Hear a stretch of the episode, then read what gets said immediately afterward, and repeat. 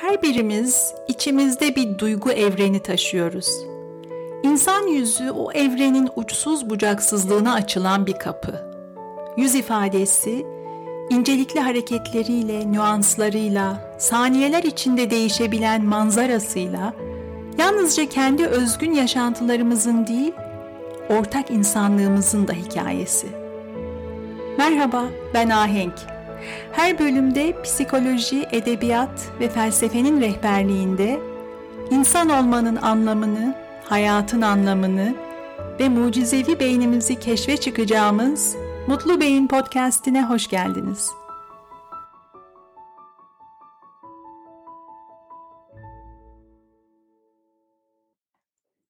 Tekrar merhaba.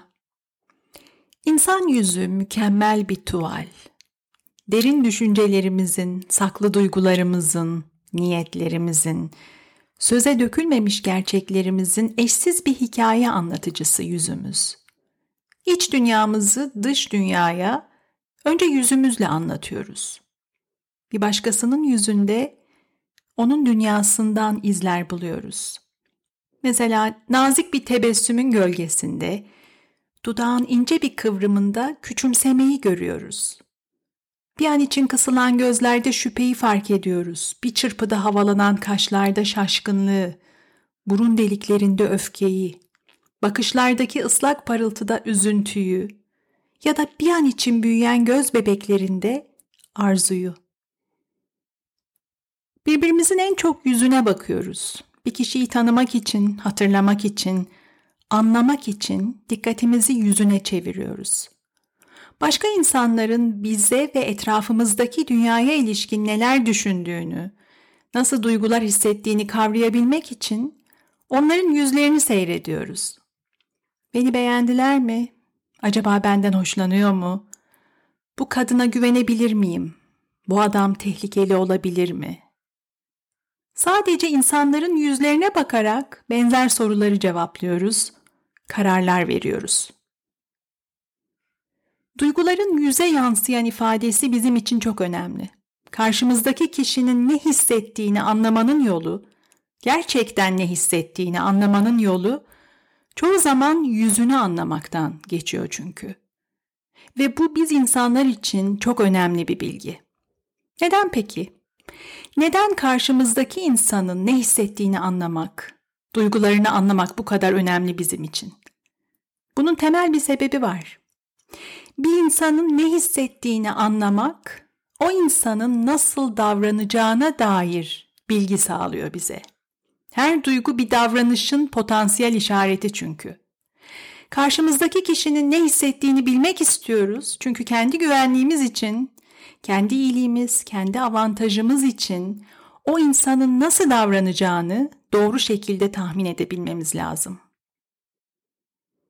İnsanların sadece yüzlerine bakarak bir takım kararlar vermek evrimsel psikolojimize kök salmış bir olgu.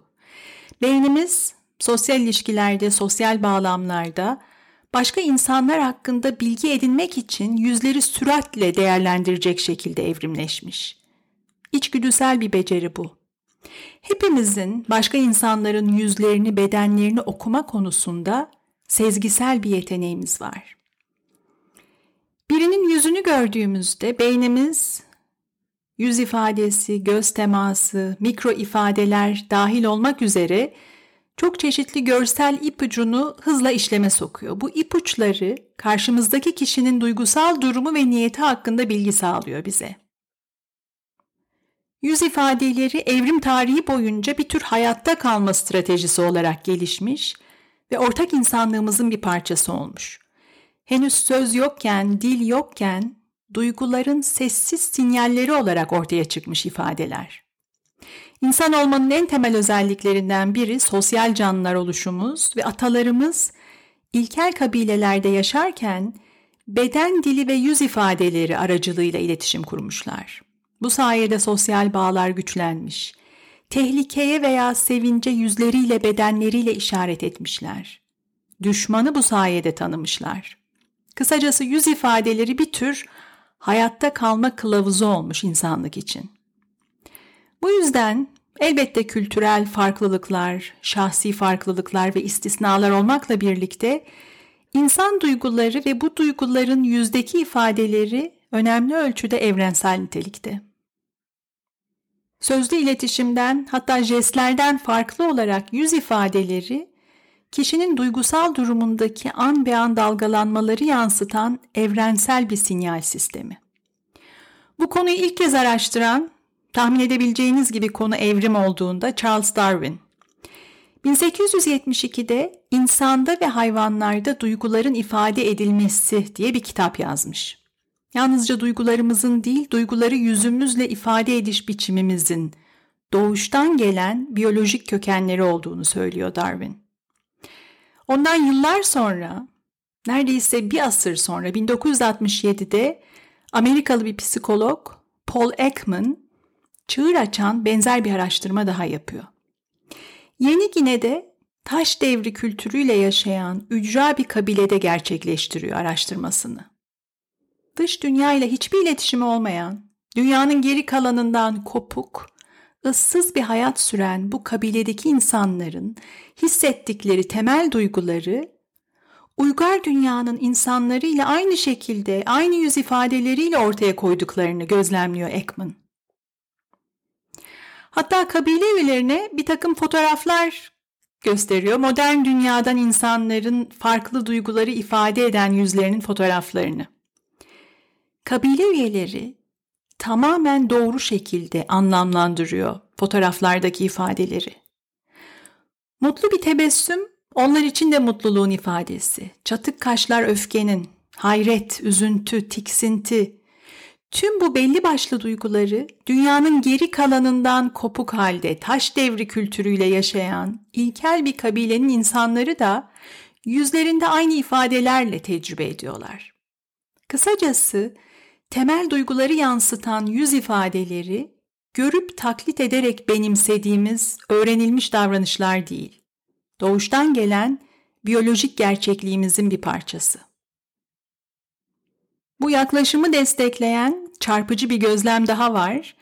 Yine Paul Ekman doğuştan kör insanlarla ve onların yüz ifadeleriyle ilgili bir araştırma yürütmüş bu araştırmanın sonuçları da başlıca duyguların ifadelerini tanıma ve gösterme yeteneğinin doğuştan olduğunu ve görsel gözlem yoluyla öğrenilmediğini koymuş ortaya. Doğuştan kör olan ya da çok erken yaşta kör olan insanlar da duyguları aynı ifadelerle ortaya koyuyorlar.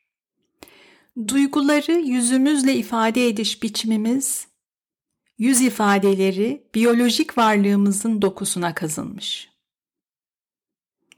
Duyguların araştırılmasında bir öncü Paul Ekman.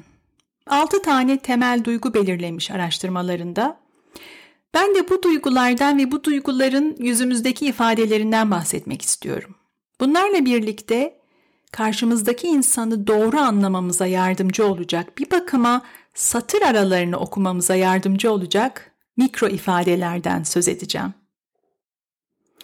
Mikro ifadeler saniyenin çok küçük bir bölümünde kısacık bir an için gerçek duygularımızı ortaya çıkaran geçici ve istemsiz yüz ifadeleri. Gizli örtük bir duyguyu bilinçsizce farkında olmadan sergiliyoruz mikro ifadelerle. Bir tür duygu sızıntısı bunlar ve genellikle duygularımızı gizlemeye çalıştığımızda ortaya çıkıyorlar. Ya da ilginç bir şekilde tam olarak ne hissettiğimizin farkında değilken, biz daha ne hissettiğimizi anlamlandıramamışken belirebiliyorlar. Hepimiz yapıyoruz bunları ve istem dışı ortaya çıktıkları için kontrol etme gücümüz yok. Gizlemeye veya manipüle etmeye çalışsak bile çoğu zaman bunu başaramıyoruz. Bir bakıma iç benliğimizin filtrelenmemiş görüntüleri olarak bizi ifşa ediyorlar. Mikro ifadeleri tanıma becerisi önemli. Her şeyden önce karşımızdaki insanı daha iyi anlayabilmek için Dolayısıyla daha doğru iletişim kurabilmek için önemli. Bu gizli sinyaller insan duygularının o geniş manzarasına açılan bir pencere sunuyor bize. Psikologlara göre duygusal zekanın göstergelerinden biri mikro ifadeleri doğru anlamlandırabilmek. En eski duygularımızdan biriyle öfkeyle başlayalım. Öfke bizi tehdit eden, sınırlarımıza saldıran, güvenliğimiz ve iyiliğimiz için düzeltilmesi gereken, müdahale edilmesi gereken bir tehlikeye, bir yanlışa işaret eden bir duygu. Sınırlarımız saldırıya uğradığında, fiziksel veya duygusal sınırlar olabilir bu, sosyal statümüze yönelik bir saldırı olabilir, kendimizi korumak üzere öfkeleniyoruz. Podcast'in 10. bölümünde ayrıntılı olarak işlemiştim öfkeyi. Gelelim öfkenin yüzümüze nasıl yansıdığına. İlkel insanlar varoluş mücadelesini sürdürürken zorluklarla yüzleşmeye veya kendi bölgelerini, kendi alanlarını korumaya hazır olduklarını göstermek için, düşmanı korkutmak, caydırmak için bu amaçlarla ifade etmişler yüzlerinde öfkeyi. Öfkenin en tipik işareti çatık kaşlar. Öfkelendiğimizde kaşlarımızı aşağı doğru çekiyoruz. Hatta küçük dikey bir çizgi oluşuyor iki kaşın arasında. Bunu yapmak tehdit unsuru neyse bakışımızı daraltıp yoğun bir şekilde ona odaklanmamızı sağlıyor. Dikkat edin biri gözünü dikip gözünüzün içine uzun süre baktığında tedirgin olursunuz. Tehdit altında hissederiz kendimizi bu durumlarda. Uzun bir süre boyunca doğrudan kesintisiz göz teması saldırganlığın, meydan okumanın veya sosyal hiyerarşide üstünlük kurma niyetinin bir işareti. Öfkeyi bununla birlikte saldırganlık potansiyelini bakışlara yansıtan temel ifadelerden biri bakışların kararlı bir yoğunlukla daralması. Öfkeliyken gözlerde olan bir şey daha var. Bir parıltı. Hatta öfke çok şiddetliyse, hiddete dönüştüyse bir kızarıklık. Gözlerimiz parlıyor öfke duyduğumuzda. Yine öfkeliyken yüzümüzde yaptığımız bir başka şey dudaklarımızı kısmak, dudaklarımızı inceltip kaskat hale getiriyoruz. Hatta bazen farkında bile olmadan dişlerimizi gıcırdatıyoruz. Evrimsel psikoloji bu davranışın da bir işlevi olduğunu söylüyor. Dişlerimizi göstermek için, ısırmaya hazır hale gelmek için yapıyormuşuz bunu. Ne enteresan değil mi? Evet, gelelim bir başka duyguya. Korku. En ilkel duygumuz. İnsan beyni evrimleşirken hayatta kalabilmek için öncelikle tehlikenin farkına varmayı öğrenmiş. Korku güvenliğimizi riske atan bir tehlikeyle, bir tehditle karşılaştığımızda bizi hayatta kalma ihtimalimizi güçlendirecek şekilde davranmaya yönelten duygu. Korku sayesinde korumuşuz kendimizi. Korkmayı öğrendiğimiz için, korktuğumuz için hayatta kalmışız. Korkuyla yüzümüz nasıl bir ifadeye bürünüyor? Korku duyduğumuzda gözlerimizi açıyoruz. Kaşlarımız alnımıza doğru havalanıyor, görüş açımızı mümkün olduğunca genişletmek. Dolayısıyla çevredeki tehdit ve tehlike potansiyelini mümkün olduğunca ıskalamadan görüp tespit edebilmek için yapıyoruz bunu. Korkuyla yaptığımız bir başka şey dudaklarımızı aralamak, ağzımızı açmak. Bu davranışın da bir işlevi var. Daha fazla oksijen alabilmek. Kaçmaya ya da kalıp dövüşmeye hazır olabilmek için oksijene ihtiyacımız var çünkü. Psikolojide irkilme tepkisi deniyor buna. Enerjimizi hızla harekete dönüştürmek, fiziksel eyleme hazırlanabilmek için yaptığımız bir şey bu. Ayrıca ağzımızı açmak ses çıkarmaya, çığlık atmaya da hazırlıyor bizi. Hem tehlike karşısında diğer kabile üyelerini uyarmak için hem bir yardım çağrısı olarak onlardan yardım alabilmek için. Dolayısıyla evrimsel açıdan bakıldığında korku hissettiğinde gözleri ve ağzı açmak, atalarımızın acil tehditlerle daha iyi başa çıkmalarına ve hayatta kalma şanslarını arttırmalarına olanak tanıyan davranışlar. Korku duyduğumuzda beliren yüz ifadesine benzeyen bir başka ifade şaşkınlık, hayret. İkisi benzer ama aynı değiller. Şaşkınlık beklenmedik veya daha önce karşılaşmadığımız yeni bir uyarana yönelik ani ve kısa süreli bir duygusal tepki. Ani ve kısa süreli bir uyarılma hali. Şaşırdığımız zaman bizi şaşırtan şeyi anlamlandırmaya çalışıyoruz. Ne olduğunu kavramaya, hakkında bilgi toplamaya çalışıyoruz. Bunu da hayatta kalma dürtüsüyle yapıyoruz. Beklemediğim, tanımadığım, dolayısıyla hazır olmadığım bir şey var. Benim için güvenli mi ya bana zarar verirse nasıl emin olabilirim? Şaşkınlık duyduğumuz zaman da korku duyduğumuzda olduğu gibi yine gözlerimiz açılıyor ve yine bilgi toplamak için yapıyoruz bunu. Ama incelikli ayrım kaşlarda gizli.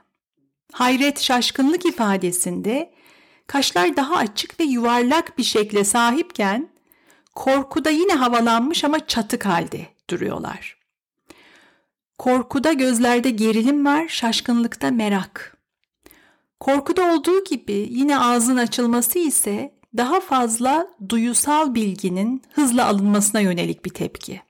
Kokular, hatta tatlar, bu duyulardan yararlanmak için yaptığımız bir şey. Yüz ifadelerinin hassas bir koreografisi var. Belli belirsiz incelikler ifadeye bambaşka bir anlam katabiliyor. Mesela şaşkınlığı ifade ederken kaşların ikisini birden havalandırmak yerine tek kaşımızı kaldırdığımızda yüzümüz başka bir hikaye anlatıyor. Aa çok şaşırdım demekle aa çok şaşırdım demek arasındaki farkı bir geçirin aklınızdan. O tek kaş, hayret, şaşkınlık diye yorumlayabileceğimiz duyguya şüphe, kibir, belki düşmanlık ekliyor. Benzer şekilde ağzımızı korkuyla açtığımızda aynı zamanda dudağımızın bir yanını yükseltip burnumuzu kırıştırıyorsak eğer bizi korkutan her neyse ona yönelik tiksinti de duyduğumuzu ifade edebiliyoruz. Tiksinti, kıskançlık veya küçümseme gibi olumsuz duygular genellikle yüzün bir tarafındaki kas hareketlerini yoğunlaştırıyormuş. Bu yüzden asimetrik ifadeler, tek kaş, dudağın tek tarafı, burnun bir yanı altta yatan bir duyguyu gizlemeye çalıştığımızda ortaya çıkıyorlar daha çok. Hakiki, samimi bir tebessümü sahte bir tebessümden ayırt eden mikro ifadelerden biri de bu. Evet, mutlu bir gülümseyişi yapmacık bir gülümseyişten nasıl ayırt edebiliriz? Kadınlar neden daha fazla tebessüm eder? Tiksinti duyduğumuzda burnumuzu kırıştırmamızın evrimsel sebepleri var mı? Taklit etmesi en zor duygu neden keder ve üzüntü? Tüm bunları önümüzdeki hafta bir sonraki bölümde ele alacağım. Charles Dickens bir aklın bilgeliği vardır, bir de kalbin bilgeliği vardır diyor. Kimi zaman aklın bilgeliğiyle gerçek duygularımızı maskeleyerek dünyaya sunmaya çalışıyoruz. Ama o maskenin altında duyguların çıplak gerçekliğini ortaya çıkaran kalbin bilgeliği yatıyor. Dilimizle söyleyemediğimizi yüzümüzle söylüyoruz. Ve öyle güçlü bir dürtü ki bu, belki de kendimizi saklamak istediğimiz anlarda bile gerçekliğimizle anlaşılmak istiyoruz. Beni dinlediğiniz için teşekkür ederim. Yeni bölümleri kaçırmamak için Mutlu Beyni takibe alın. Her pazartesi yeni sorularda, yeni meraklarda buluşmak dileğiyle.